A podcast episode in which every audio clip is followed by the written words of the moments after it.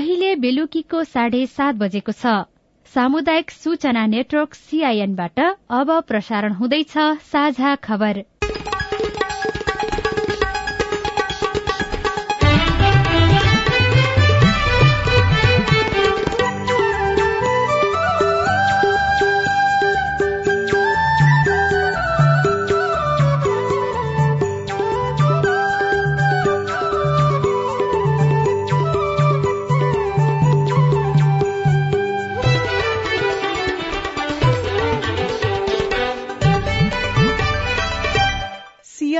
साझा खबरबाट स्नेहा कर्णको नमस्कार। साझा खबर देशभरिका सामुदायिक radio CIN Khabar dot com र मोबाइल एप सीआईएनमा पनि सुन्न सकिन्छ।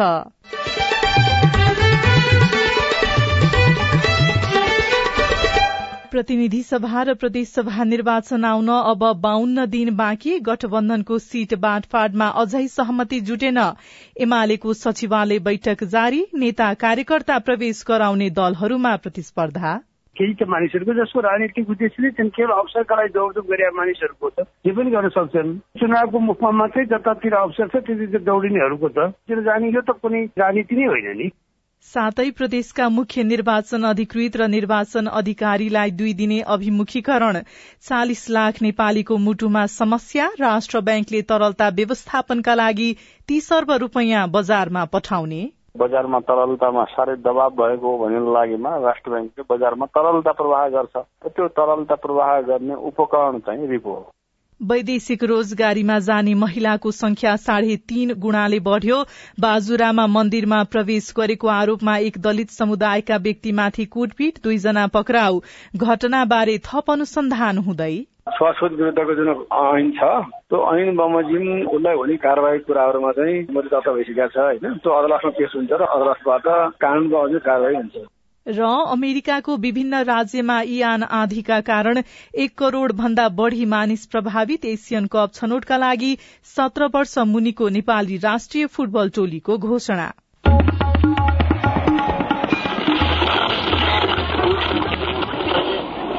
रेडियो। हजारौं रेडियो कर्मी र करोड़ौं नेपालीको माझमा यो हो सामुदायिक सूचना नेटवर्क। सीआईएन नेपालमा सामाजिक सेवाका नाममा खुलेका करिब चौवन्न हजारको संख्यामा गैर सरकारी संस्थाहरू छन्। दुई सय चौतिस अन्तर्राष्ट्रिय गैर सरकारी संस्था छन्। उनीहरूबाट सामाजिक सेवाका नाममा हरेक वर्ष अरबौं खर्च भएको देखिन्छ। यो बजेटले सरकारले गर्न नसकेका धेरै काम भएका छन्। तर अहिले यस्तो सामाजिक सेवालाई राजनीति र आर्थिक लाभको विषय बनाइँदैछ। यस्तो गलत कार्यलाई कड़ाईका साथ नियन्त्रण गर्नुपर्दछ। अब खबर अविनाश आचार्यबाट। मंगिर चार गते हुने प्रतिनिधि सभा र प्रदेशसभा निर्वाचन आउन बाहन्न दिन बाँकी छ। गठबन्धनमा रहेका दलहरू सीट बाँडफाँडका लागि छलफलमा छन् तर सहमति जुटाउन सकेका छैनन्। संस्थापन पक्षमाथि दबाव बढ़ाउन नेपाली कांग्रेसको शेखर कोइराला पक्षले पार्टी कार्यालय सानेपामा धरना शुरू गरेको छ। कोइराला समूहले आज आयोजना गरेको चियापान कार्यक्रममा नेताहरूले समान सहभागिताको सिद्धान्त अनुसार व्यवहार गर्न माग गरेका छन्। आगामी निर्वाचनका लागि उम्मेद्वार छनौटमा सही मूल्याङ्कन हुनुपर्ने माग आफूहरूले राखेको नेता गुरूराज घिमिरेले बताउनुभयो न्यायोचित चाहिने अवसरको वितरणका निम्ति हामीले पार्टीलाई भनेका हौ र त्यही अभियान अन्तर्गतै आज चियापान गरेका हौ। यो आयोजना होइन यसका आयोजक हौ हामी। त्यसो भएको हुनाले यो जारी छ र सभापतिज्यूले खुसीको कुरा के छ भने उहाँले सबैलाई मिलाएर लान्छु भनेर चाहिँ आश्वस्त पार्नु भएको छ र त्यसमा नेताहरूले काम गरिरहनु भएको छ। होइन हिजो तीन चरण भनेकै छौँ नि हामीले। विनम्रताको चरण विरोधको चरण र त्यसपछि चाहिँ विद्रोहको चरण हामीले भनेकै छौँ। शेखर कोइराला समूहले श्रीमान श्रीमती आफन्तलाई बन्द सूचीबाट हटाउनु पर्ने माग गरेको छ।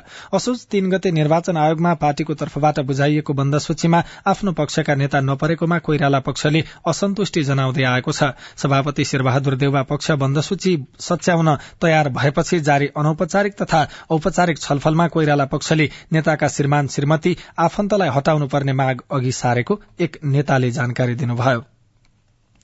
यसैबीच कांग्रेसको मध्य प्रदेश समितिले निर्वाचनका लागि प्रदेश घोषणा पत्र तयारी समिति गठन गरेको छ। कांग्रेसका मध्य प्रदेश सभापति कृष्ण प्रसाद यादवले पार्टीको विधान अनुसार मध्य प्रदेशका महामन्त्री बृहस्पति कृष्ण श्रेष्ठलाई निर्वाचनको घोषणा पत्र तयारी समितिको संयोजकमा मनोनयन गर्नुभएको हो। नेकपा एमाले प्रतिनिधि सभा र प्रदेशसभा निर्वाचनका लागि प्रत्यक्षतर्फका उम्मेद्वार छनौटको काम टुंग्याउन अहिले छलफल गरिरहेको छ। प्रतिनिधि सभातर्फ एक सय पैंसठी मध्ये छप्पन्न निर्वाचन क्षेत्रका उम्मेद्वार एमाले सर्वसम्मत सिफारिश गरिसकेको नेताहरूको भनाइ छ। बाँकी क्षेत्रमा उम्मेद्वारको छनौटका लागि अध्यक्ष केपी शर्मा ओलीको निवास बालकोटमा सचिवालय बैठक पनि बसिरहेको छ। टिकट वितरणको मापदण्ड साथै उम्मेद्वार छनौट तथा कतिपय निर्वाचन क्षेत्रमा अन्य दलसँग हुने तालमेलको बारेमा समेत बैठकले निर्णय गर्ने नेताहरूले बताएका छन्। प्रतिनिधि सभा र प्रदेशसभाको निर्वाचन नजिकिँदै गर्दा ठूला दलहरूमा भने नेता कार्यकर्ता प्रवेश र बाहिरिने क्रम बढ़ेको छ। नेकपा एमाले मध्य प्रदेशमा अरू पार्टीका नेता प्रवेश गराइरहँदा चितवनको माड़ीमा दुईजना माओवादी केन्द्रका नेता एमाले प्रवेश गरेको चौध दिनमा फेरि पुरानै पार्टीमा फर्केका छन्। महेन्द्र बहादुर शाही नेतृत्वको कर्णाली प्रदेशको तत्कालीन सरकार अल्पमतमा परेको बेला तीनजना सांसदको नेतृत्व गर्दै फ्लोर क्रस गरेका नन्दसिंह बुढा फेरि एमालेमै फर्किनु भएको छ। चुनाव नजिकिँदै गर्दा राजनैतिक दलहरू को पार्टी प्रवेशलाई किन प्राथमिकता दिन्छन्? सीआईएमसँग कुराकानी गर्दै राजनैतिक विश्लेषक प्राध्यापक कृष्ण खनालले भन्नुभयो। एउटा कारण आफू अवसरको खोजी हो। अब अर्को चाहिँ तपाईँको केही माने केही त मानिसहरूको जसको राजनीतिक उद्देश्यले चाहिँ केवल अवसरका लागि दौडधुप गरे मानिसहरूको त जे पनि गर्न सक्छन्। चुनावको मुखमा मात्रै जतातिर अवसर छ त्यति दौडिनेहरूको त त्यो जाने यो त कुनै राजनीति नै होइन नि। नेपालको सन्दर्भमा हरेक पार्टीहरूले आफ्नो आफ्नो एउटा आस्था बोकेका छन् आफ्नो आफ्नो एउटा सिद्धान्त बोकेका छन्। लामो समयदेखि एउटै आस्थामा एउटै सिद्धान्त बोकेर हिँडिरहेको व्यक्ति फेरि त्यो आस्था सिद्धान्तलाई चटक्क छाडेर अर्को मार्गमा लाग्नुको पछाडिको कारण गएका केही वर्ष केही समय यता हेर्दाखेरि त्यसमा कुनै अर्थ छैन। त्यो केवल हिजो बोके पार्टी संगठन गर्ने बेलामा त्यसैका लागि केही मानिसहरू जेल पनि गरे दुःख पनि गरे सबै गरे। ती कुराहरू खासै अर्थ लाग्ने गरी टिकेको छैन। त्यो अवसरवादको पराकाष्ठा हो अलि बढी मात्रै होइन। मुटु तपाई हाम्रो प्यारो अंग हो। प्यारो मात्र होइन यो शरीरको सर्वाधिक महत्वपूर्ण मध्येको अंग पनि हो। तर अस्वस्थ जीवनशैली र अव्यवस्थित खानपानका कारण नेपालमा मुटु सम्बन्धी समस्या बढ़दै गएको छ। अहिले चालिस लाख नेपालीमा कुनै न कुनै प्रकारको मुटु सम्बन्धी समस्या रहेको छ भने मृत्यु हुने दर पाँच मध्य एकजनाको मृत्युका कारण मुटु सम्बन्धी समस्या नै हुने गरेको अध्ययनले देखाएको छ। झण्डै दुई महिना अघि ललितपुरका सुप्रभात भण्डारीलाई सामान्य छाती दुखाइ महसुस भयो। अस्पताल पुगेर मुटु परीक्षण गर्दा उहाँलाई हृदयघात भएको थाहा भयो। उहाँको तत्काल शल्यक्रिया गरियो।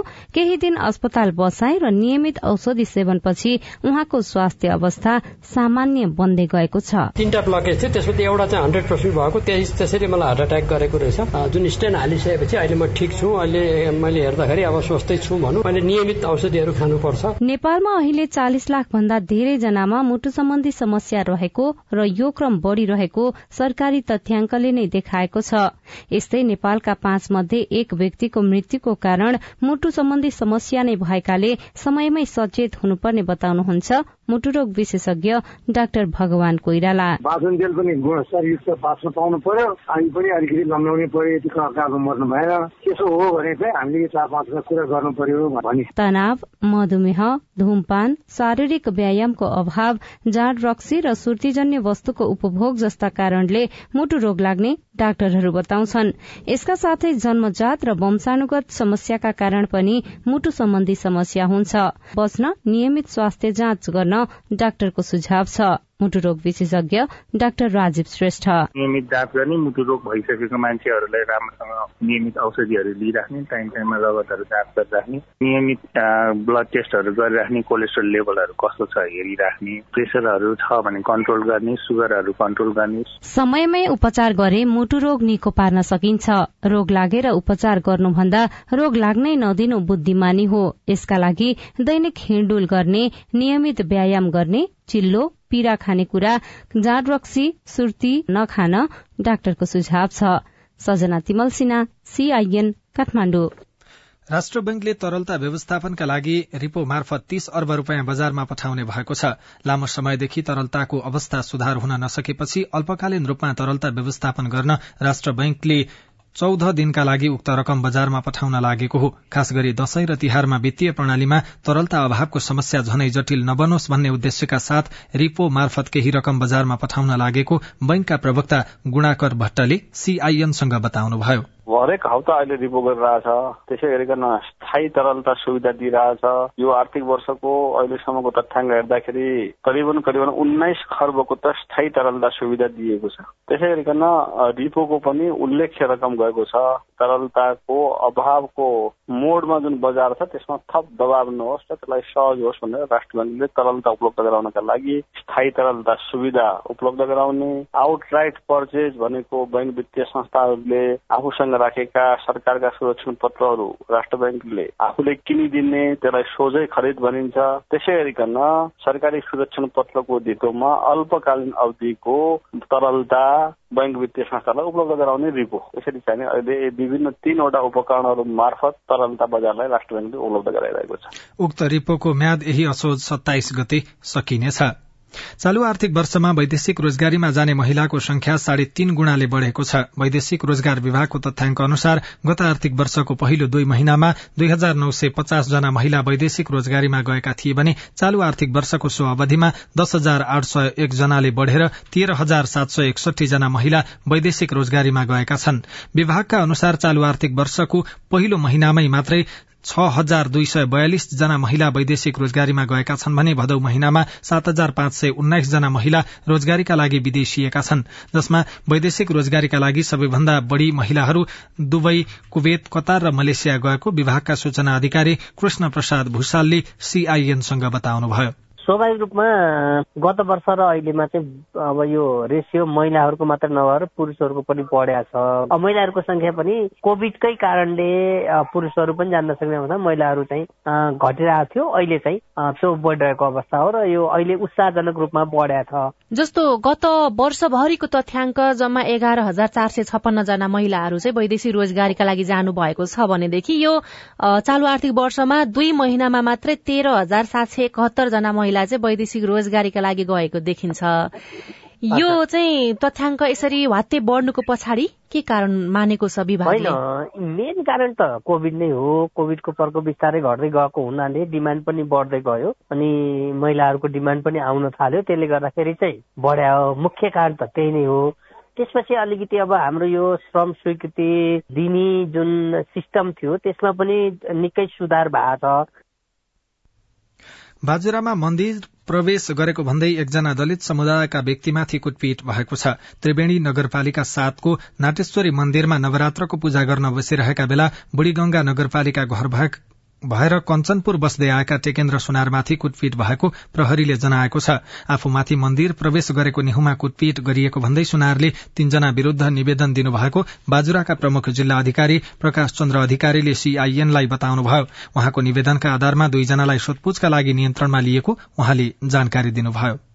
दुईजना मान्छेहरू नियन्त्रणमा आइसकेका छन्। एकजना फरार छ खोजीकारी भइरहेको छ। विरुद्धको जुन ऐन छ त्यो ऐन बमोजिम उसलाई हुने कारवाही कुराहरूमा चाहिँ गर्ने गरेर चाहिँ अब हाम्रो यहाँबाट मुद्दा दर्ता भएर पेश भइसकेका छ मुद्दा दर्ता भइसकेका छ होइन? त्यो अदालतमा पेश हुन्छ र अदालतबाट कानुनको अझै कारवाही हुने कारवाही हुन्छ।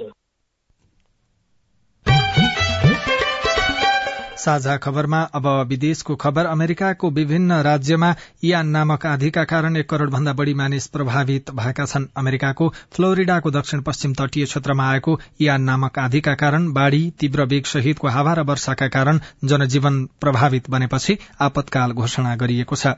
र एउटा खेल खबरमा नेपालले एसियन कप छनौटका लागि सत्र वर्ष मुनिको राष्ट्रिय फुटबल टोलीको घोषणा गरेको छ। मुख्य प्रशिक्षक उर्जन श्रेष्ठले एसियन कप छनौटका लागि तेइस सदस्यीय राष्ट्रिय टीमको घोषणा गर्नुभएको हो। सेप्टेम्बरमा भएको साप सत्र वर्ष मुनि लगत्तै उहाँले तीस खेलाड़ीलाई बन्द प्रशिक्षणमा बोलाउनु भएको थियो। एएफसीको एसिया कप छनौट खेल्न नेपाली टोली आइतबार त्यसतर्फ प्रस्थान गर्नेछ।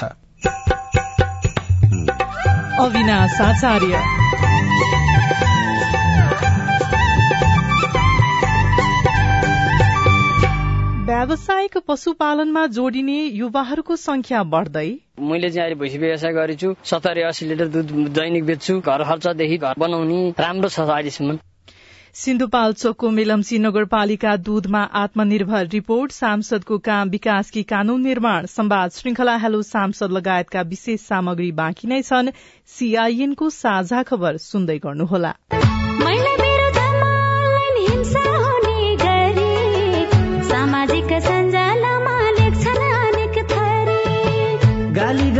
चरित्रमा दाग लगाउन खोज्ने झुटा आरोप लगाएर भरम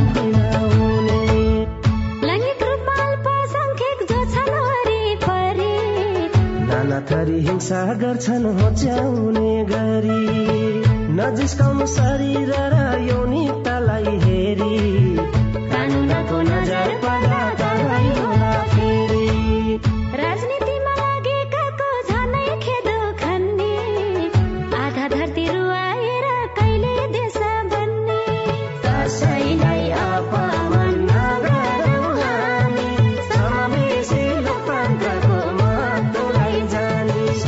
सञ्जाल लगायत अनलाइनमा हुने मिथ्या समाचार दुष्प्रचार र घृणा जन्य अभिव्यक्ति कानूनी रूपमा दण्डनीय छ।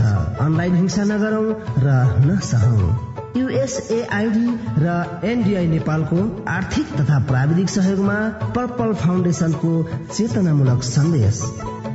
सामाजिक रूपान्तरणका लागि यो हो सामुदायिक सूचना नेटवर्क सीआईएन तपाई सामुदायिक सूचना नेटवर्क सीआईएनले तयार पारेको साझा खबर सुन्दै हुनुहुन्छ। निर्वाचन आयोगले आगामी मंगिर चारको चुनावका लागि सातै प्रदेशमा मुख्य निर्वाचन अधिकृत र निर्वाचन अधिकारीका लागि आयोजना गरेको निर्वाचन अभिमुखी कार्यक्रम सम्पन्न गरेको छ।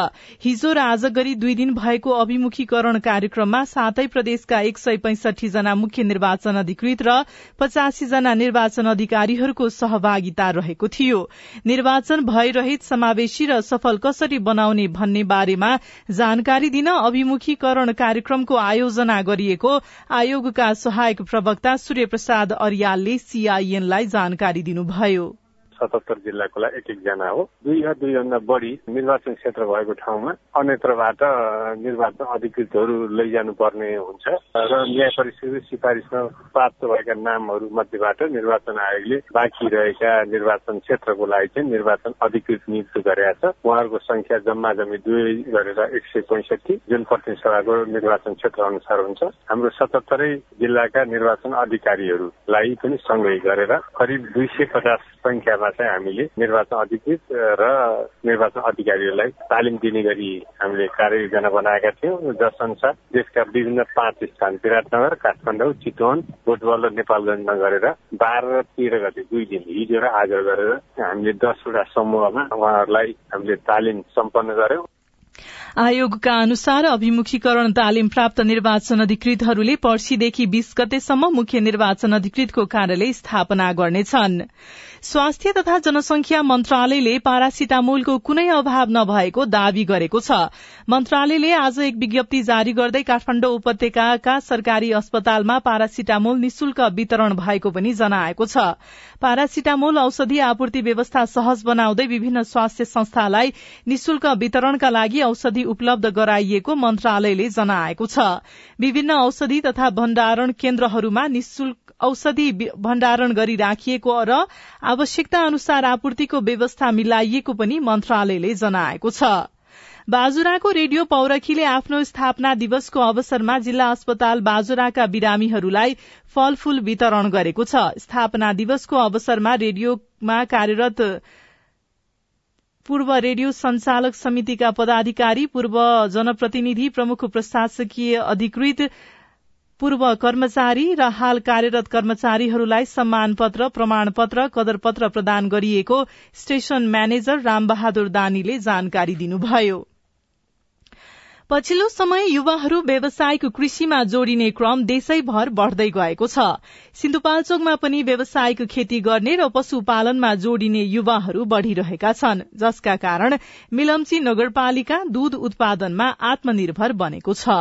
विगतमा उत्पादित दूधलाई स्थानीय बजारका चिया पसलहरूमा बिक्री गर्दै आएका किसानहरूले अब भने सहकारी मार्फत सञ्चालित केन्द्रमा दूध बिक्री गर्ने गरेका छन्। दुग्ध उत्पादनका लागि व्यावसायिक पशुपालनमा अहिले युवाहरूको आकर्षण बढ़िरहेको छ। वैदेशिक रोजगारीबाट फर्किएका युवाहरू व्यावसायिक दुग्ध उत्पादनमा लागेका छन्। स्थानीय पशुपालक साने थिङ र जीवन चालिसे। अर्काको देशमा गएर व्यवसाय चलाउने अर्काको देशमा गएर दुःख आफ्नै गाउँमा व्यवसाय चलाउँछ भनेर गाई भैँसी गरेर आठ पालिरहेको छु। अहिले एकदम ठिक छ। मलाई महिनाको त्यही असी नब्बे हजार पैसा लिइरहेको छु भैँसी खुवाउन यसो त्यसो गर्दा हामीलाई खाना परिवार पाल्न राम्रो भइरहेको छु। दुधको धेरै परिकार बन्ने हुनाले यो दुध व्यवसाय राम्रोसित गर भने धेरै आमदामी हुन्छ। मैले चाहिँ अहिले भैँसी व्यवसाय गरेछु सत्तरी अस्सी लिटर दुध दैनिक बेच्छु घर खर्चदेखि घर बनाउने राम्रो छ अहिलेसम्म। पछिल्लो समय पशु तथा कृषि क्षेत्रमा सरकारी अनुदान बढ्नुले पनि व्यक्तिगत रूपमा गाई वस्तु पाल्ने र दुध उत्पादन गर्ने किसानहरू बढ़दै गएका छन्। गाई भैँसीको व्यावसायिक पालनका लागि सरकारले किसानका लागि पच्चीस लाख रूपियाँसम्म अनुदान दिने गरेको छ। सरकारको प्रोत्साहनपछि यो क्षेत्रमा पशुपालन गर्नेहरू बढ़ेका छन्।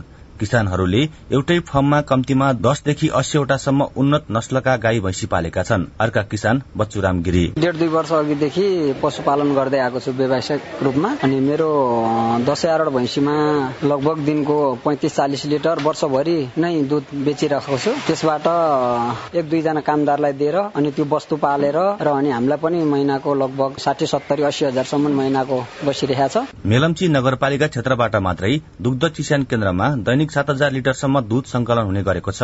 संकलन भएको दूध काठमाडौँ निर्यात हुँदै आएको छ। दूध बिक्रीबाट मात्रै यस क्षेत्रका किसानले वार्षिक तीस करोड़सम्मको आमदानी लिने गरेको दुग्ध व्यवसायी शरण चालिसे बताउनुहुन्छ। पहिलाको भन्दा धेरै राम्रो छ। यहाँबाट वार्षिक पैंतिस चालिस करोड़को हाराहारीमा चाहिँ हाम्रो यो क्षेत्रबाट दुध चाहिँ बाहिर निर्यात हुन्छ।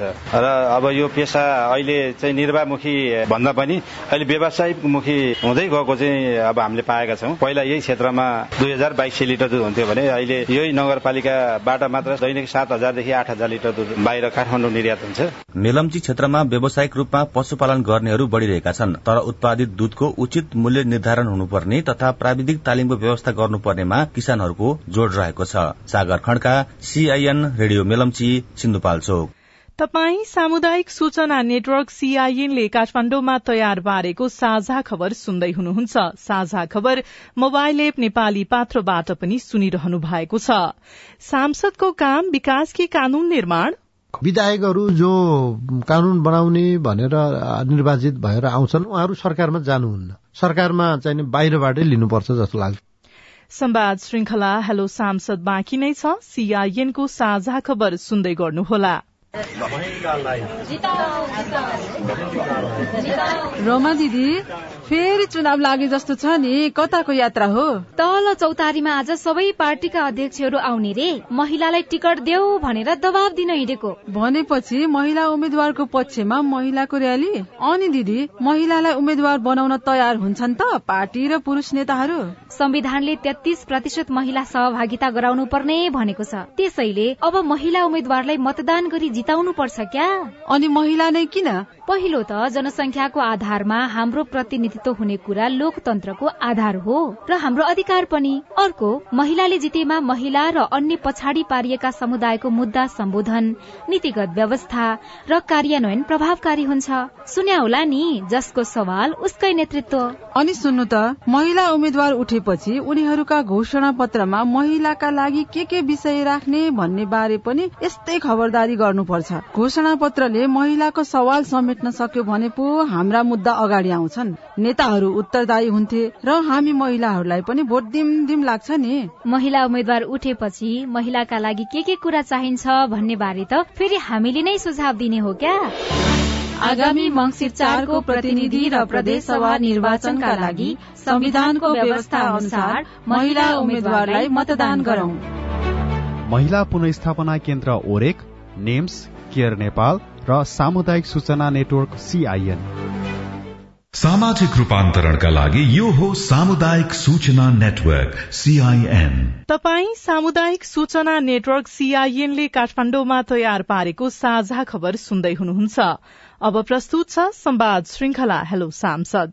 नमस्कार। हेलो सांसदमा हार्दिक स्वागत छ। म लील प्रकाश चन्द। प्रदेश सभाहरूको पाँच वर्ष कार्यकाल कस्तो रह्यो? हेलो सांसदमा हामीसँग कर्णाली प्रदेशका सभामुख राजबहादुर शाही हुनुहुन्छ। यहाँलाई हार्दिक स्वागत छ। धेरै धेरै धन्यवाद छ एउटा सभामुखको रूपमा सम्झन लायक कामहरू यो यो गरियो भन्न लायक केही तीन चारवटा बुँदाहरू यहाँ सम्झनुहुन्छ। विशिष्ट अनुभवहरू छन्। व्यवस्थाको जग नै हाल्नुपर्ने जिम्मेवारी भएको हुनाले अब विशिष्ट अनुभवहरू हुने नै भए। कानून निर्माणको पाटोमा पनि तपाईँ सन्तुष्ट सन्तोष छौँ। एकदमै सन्तोष संख्यात्मक रूपमा यति ल्याइयो यतिवटा कानूनले पूर्णता पायो बाँकी हामीले छलफल गर्दा गर्दै समय सकियो भन्ने त्यस्तो केही छ? होइन हामीले एकाउन्नवटा मूल कानूनहरू निर्माण गर्यौं कर्णाली प्रदेशमा। कर्णाली प्रदेशले चार पाँचवटा कानून चाहिँ प्रदेशमा दर्ता भएर छलफलको प्रक्रियामै रहेको अवस्था थियो। त्यसलाई पूर्ण गर्न हामीले सकेनौं। एउटा शून्य अवस्थाबाट एउटा संस्थालाई पूर्ण संस्थाको स्वरूपमा हामीले ल्याउन सकेका छौं र अब आउने नेतृत्वले यो बिन्दुबाट सरासर अगाडि बढ्न सक्ने अवस्था सिर्जना गरेका छौं। वीरेन्द्रनगर सुर्खेतमा हामीसँग भएको एउटा छलफलमा जति पनि कानूनहरू निर्माण भए पाँच वर्षको समयावधिमा ती बनेका कानूनहरूको कार्यान्वयनको अवस्थाको बारेमा के छ हामी छलफलको तयारी गर्दैछौँ। सकभर मिलेसम्म समीक्षाको पनि हामी तयारी गर्छौँ। त्यसबारेमा अगाडि बढ्छौँ भन्नुभएको थियो। केही छलफल हुन पायो कि अथवा त्यो अधुरो रह्यो? समय सापेक्ष कतिको छन् अडिट गर्ने। हामीले सबै कानूनहरूमा सकेनौं। पाँचवटा कानूनहरूमा हामीले त्यो समीक्षा गर्यौं ए भनेको पाँचवटा कानूनमा समीक्षा गर्यौं उपभोक्ता हकित सम्बन्धी छ लगायतका पाँचवटा कानूनमा हामीले समीक्षा गरेका छौं। के पाइयो? निष्कर्ष के हो? जो कानून बन्यो त्यही रूपमा मात्रै बुझ्नु हुँदैन आवश्यकता अनुसार परिमार्जन हुँदै जान्छन्। हामीले ती जो कानूनका विषयमा समीक्षा गर्यौं ती विषयमा पनि विभिन्न पाटाहरूमा हामीले विचारहरू दृष्टिकोणहरू हामीले बनाएका छौं। ती भोलिको संशोधन गर्दाखेरि त्यसलाई बल पुग्छ भन्ने लाग्छ। राजनीतिक दलहरू बीचमा सरकार बनाउने भत्काउने अथवा फेरि परिवर्तन गर्ने अभ्यास चल्यो नि। यसले गर्दाखेरि संसदलाई प्रभावकारी बनाउनको लागि कहीँ न कहीँ अप्ठ्यारो भएको अथवा सजिलो भएको जस्तो महसुस हुँदो रहेछ कि रहेनछ सरकारहरू दुई तिहाई को चाहिँ नि बहुमत ल्याउँदाखेरि पनि सरकारहरू स्थिर हुन सकेनन्। पुरै कार्यकाल काम गर्न सकेनन्। यसको अर्थ यो हो कि हामी एकदमै अस्थिर मनोविज्ञानबाट गुज्रिरहेछौँ सबै व्यक्ति संस्थाहरू। सातै प्रदेशको अभ्यास सबै सबै। सरकारहरू प्रभावकारी हुनुमा खास गरी उसको उद्देश्य उसको महत्वाकांक्षा उसको योजना आदि इत्यादि पनि निर्धारण हुन्छ।